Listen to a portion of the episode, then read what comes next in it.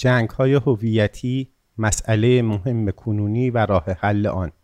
نویسنده حسن محدثی گیلبایی پنج سال پیش از دوستان عزیز ترکم میپرسیدم که پانتورکا کیستند و چه می‌گویند و در ورزشگاه یادگار امام تبریز و در بازی های تراکتور چه خبر است. الان مسئله آنقدر به من نزدیک است که فکر کنم برخی از دوستان ترکم باید از من بپرسند که ماجرا چیست. ماجرا چیزی است که در جامعه شناسی به آن جنگ هویتی می‌گویند. جنگ هویتی پدیده ای اجتماعی است که ابعاد روانی و سیاسی جدی دارد. جنگ هویتی ریشه در تقابل دارد. در این تقابل دیگری هست که تو در برابر او احساس تحقیر و کهتری می‌کنی. یا او این احساس تحقیر را در تو میآفریند یا تو خود را در مقایسه با او کهتر و کوچکتر می‌بینی دیگری هست که آرامش و آسایش و امنیت روانی و شخصیتی و اجتماعیت را از تو می ستاند. دیگری هست که گاه احساس ستمدیدگی را در تو برمیانگیزد. دیگری هست که گاه عادی ترین و انسانی ترین سرمایه های وجودی و شخصیتی و حیثیتیت را می‌خواهد نادیده بگیرد یا از تو بستاند. هویت من وقتی برای من مسئله می شود که همیشه در برابر یک دیگری قرار بگیرم که بودنم و وجودم را به نحوی به پرسش بکشد.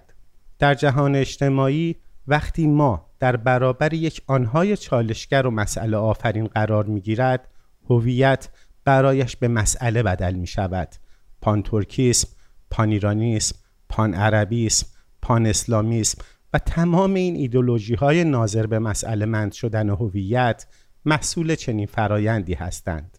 گاهی خودمان دست به مقایسه با دیگری می‌زنیم اما بسیاری وقتها نیز یکی دیگری را تحقیر می کند که شما چیزی نداشته اید و این ما هستیم که فخر عالم بوده ایم و ما در آغاز آغازها اینها را داشته ایم و آن دیگری شروع می کند به دست کردن در خورجین تاریخ و درآوردن چیزهایی که هویت ببخشد و اگر چیزی نیابد جعل می کند و تاریخ سازی می کند تا هویت خود را در برابر دیگری جلا بدهد. یک ایرانگرای افراطی به نام وحید بهمن با زبانی تحقیرآمیز اصالت رقص ترک ها را به پرسش می کشد و می نویسد چند سالی است که قبیله گرایان لباس و رقص سنتی مردمان قفقازی تبار به مانند گرجی، لزگی، آبخازی، آسی، چچنی، چرکس و بالکار و غیره که در دنیا با عنوان قفقازی شناخته می شود را به عنوان لباس و رقص سنتی آذربایجان معرفی می کنند. آنگاه ببینید یک مخاطب ترک وقتی که ترکی بودن رقصشان زیر سوال می رود چه می کند؟ رقص یالی یکی از قدیمی ترین رقص های فولکلور آذربایجان است. سنگی که در این ویدیو می بینید ماکتی از سنگ قاواللاشی است که اصل آن در منطقه قوبستان آذربایجان قرار دارد. در این مکان یک سنگ نگاشت رقص دست جمعی یالی وجود دارد که برخی قدمت آن را به پانزده هزار سال قبل می دانند. باستانشناسان معتقدند از قاواللاشی برای تولید نوا برای رقصنده ها استفاده شده است.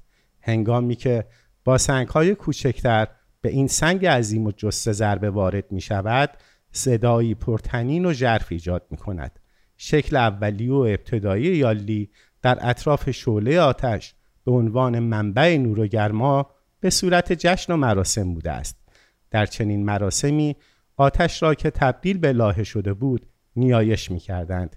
یالی با سرعت آرام و سنگین شروع شده و با قدم های سریع که به شکل دویدن است با سرعت سریع پایان می‌یابد. رقص یالی به عنوان میراث ماندگار به نام ملت آذربایجان در یونسکو ثبت جهانی شده است. رقص یالی نمادی از همبستگی، شکرگزاری، شادی و اقتدار می باشد. شاید این مدعیات درست باشد اما ببینید ایشان تاریخ یک رقص را تا کجا و چند هزار سال دنبال کرده تا بگوید ما با آن آدم های پانزده هزار سال پیش پیوند داریم و با آنها یگانه هستیم و میراثبر آنها هستیم. ما می‌دانیم که در روی زمین هیچ چیز ناب نداریم مگر در آزمایشگاه ها در جهان اجتماعی نه نژاد خالصی داریم و نه قوم خالصی و نه دین ناب و نه فرهنگ ناب.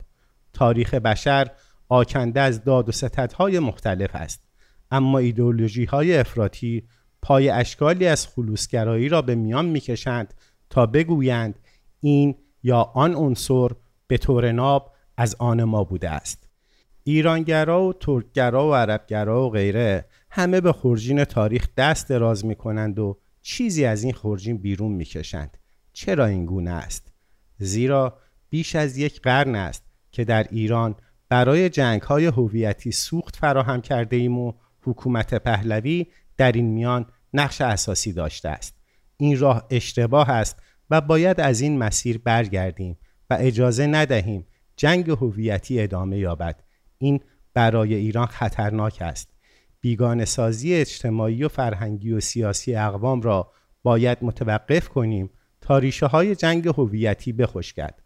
این گونه دست کردن در خورجین تاریخ و بیرون کشیدن یا جعل کردن معلفه های هویت بخش و تلاش برای اینکه این شخصیت یا آن شخصیت و این عنصر یا آن عنصر را به نام خود بزنیم مرا به یاد قبر شماری اعراب عصر پیشا اسلامی و فخر فروشی به تعداد مردگان می اندازد. پاسداری از زبان و میراث فرهنگی نه تنها اشکالی ندارد بلکه بسیار ارزشمند است ربطی به ایدئولوژی ترکگرایی و ایرانگرایی و عربگرایی و غیره ندارد.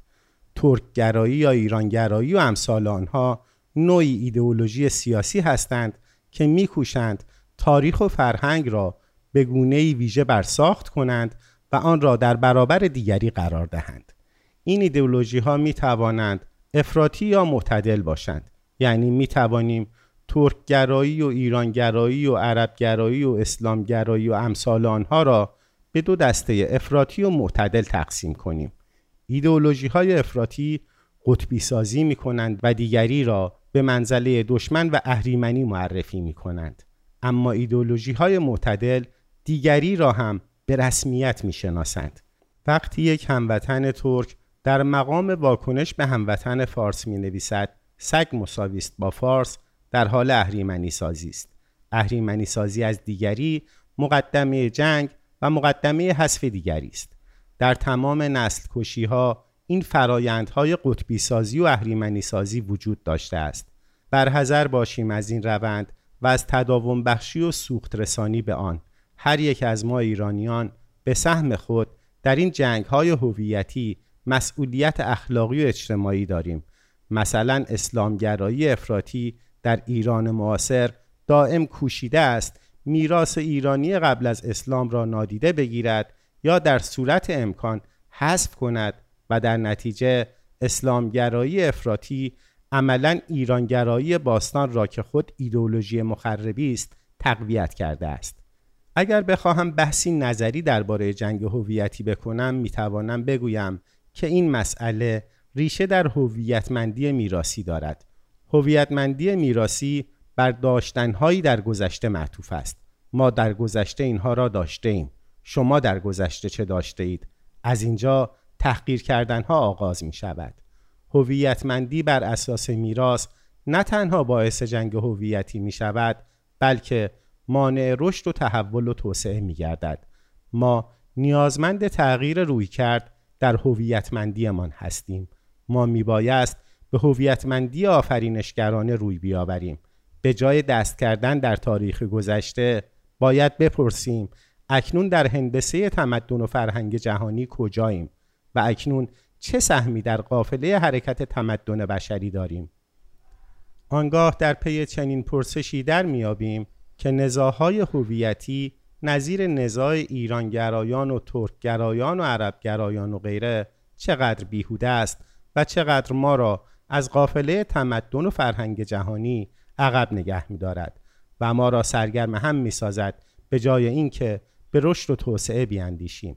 جنگ هویتی از موانع جدی توسعه در ایران و خود نیز از جهاتی و تا حدی محصول برنامه های توسعه است.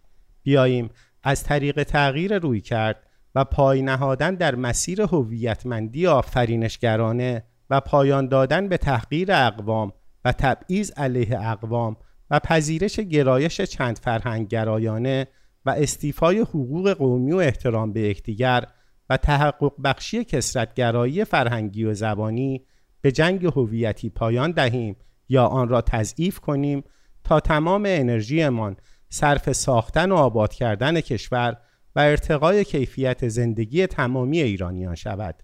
این آن چیزی است که من توسعه می نامم. توسعه انسان محور و اجتماع محور.